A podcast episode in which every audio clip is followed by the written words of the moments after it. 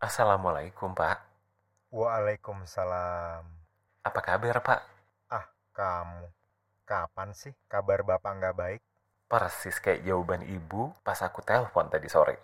Loh, kenapa nggak nelpon ke HP-nya Senja aja? HP-nya Senja kan rusak, Pak. Pantesan Kenta buru-buru balik ke Bogor. Bukannya Kenta baru balik dari Bogor, Pak. Iya, tapi ternyata dompet dia ketinggalan. Kenta nyetir sendiri, Pak. Balik lagi. Enggak lah.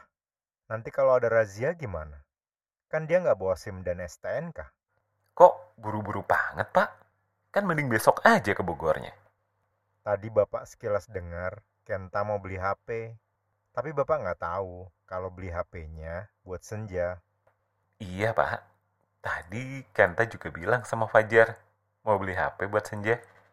Jadi kamu nelpon bapak itu mau nyari senja ya? Iya, Pak. Duh, bukannya bilang dari tadi. Senjanya lagi tidur. Udah makan malam tadi, dia langsung tidur. Perasaan tiap nelpon lagi tidur terus. Bapak juga nggak ngerti, Jar. Aduh, Fajar jadi nggak enak nih. Yang barusan kedengeran sama Bapak.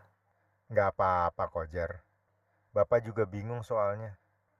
Senja bawaannya pengen tidur terus. Kayaknya obat-obatnya bikin ngantuk. Senja baik-baik aja kan, Pak? Dia masih bisa ngomel-ngomel kok. Tadi sempat ngamuk karena lapar. Tapi sama perawat, belum boleh makan. Kalau Senja ngomel-ngomel, dia beneran nggak apa-apa, Pak. Kalau Senja masih punya tenaga buat marah-marah, berarti dia nggak apa-apa, Jar. Kalau dia kenapa-napa, pasti dia diam. Iya juga sih, Pak. Begitu udah sadar sepenuhnya dan boleh makan, dia langsung pengen makan nasi padang. Mana lauknya tiga macam pula. Telur, terong, sama tambusu. Tadi Senja juga bilang, Pak. Tapi Fajar pikir Senja cuma bercanda. Dia kan makannya nggak banyak. Nasinya dia makan sedikit sih. Lauknya aja dia cemilin. Senja nggak mau disuapin. Sedangkan tangan kanannya nggak bisa dipakai. Jadi makannya nggak bisa lahap. Udah dibujuk sama ibunya tapi nggak mau. Kalau udah kayak gini, palingan nunggu besok aja. Baru dia bisa makan banyak. Bedanya apa, Pak, sama sekarang? Kan ada kakaknya. Kenta sama Senja itu kalau ngomong udah kayak orang yang paling sewot. Tapi kalau udah kayak gini, maunya sama kakaknya terus. Takut kali dia kalau bapaknya udah nggak ada, kakaknya nggak mau jadi wali nikahnya dia. Bapak jangan bilang gitu. Bapak kan udah nggak muda lagi, Jar. Umur mah nggak ada yang tahu, Pak. Yang penting ikhtiarnya. Kapan dong kamu nikah? Mumpung bapak masih ada. Pak, Iya, bapak ngerti. Bapak cuma penasaran aja. Kapan kamu ke rumah?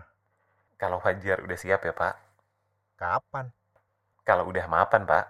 Fajar di sini lagi berjuang. Nggak semua perempuan mau nungguin sampai mapan. Ada juga yang bersedia berjuang bersama. Ada perempuan yang mau menerima laki-laki apa adanya. Iya sih, Pak. Sama kayak umur, hati orang nggak ada yang tahu. Bisa aja hari ini Senja bilang masih mau nungguin kamu. Besok kan belum tentu. Bisa aja besok dia udah lelah nungguin. Bapak, jangan bilang gitu dong, Pak. Kan Fajar jadi kepikiran. Bapak cuma ngasih tahu aja. Kalau kamu nyuruh dia nunggu, pastiin kalau waktu yang dia habisin buat nunggu kamu itu nggak sia-sia. Fajar janji, Pak. Gak akan ngecewain Senja. Kamu jangan menjanjikan apapun. Manusia hanya bisa berencana. Kayak Senja yang berencana mau pulang besok. Loh, kok udah mau pulang lagi, Pak? Senja pengen pulang, pengen istirahat di rumah biar dia ada hiburan. Di sana kan TV aja nggak ada. Yang sekamar sendiri baru ada TV-nya. Bekas operasi sama luka-lukanya gimana, Pak? Kan masih harus dipantau. Kenta Kan punya teman perawat di sini. Nanti dia ke rumah tiap hari. Dia yang koordinasi langsung sama dokter yang nanganin Senja. Nanti paling balik dirawat lagi kalau udah waktunya lepas pen dan udah mulai fisioterapinya. Nanti Fajar sempetin mampir, Pak. Kamu kan gak boleh pulang sama bapakmu. Fajar nggak akan bilang ke bapak. Nggak pulang ke rumah juga. Nanti langsung nengok senja aja. Jangan dipaksain ya. Kalau kira-kira bakal kecapean, mending jangan. Fajar mau mastiin sesuatu ke senja, Pak. Mastiin apa? Sesuatu, Pak. Sesuatu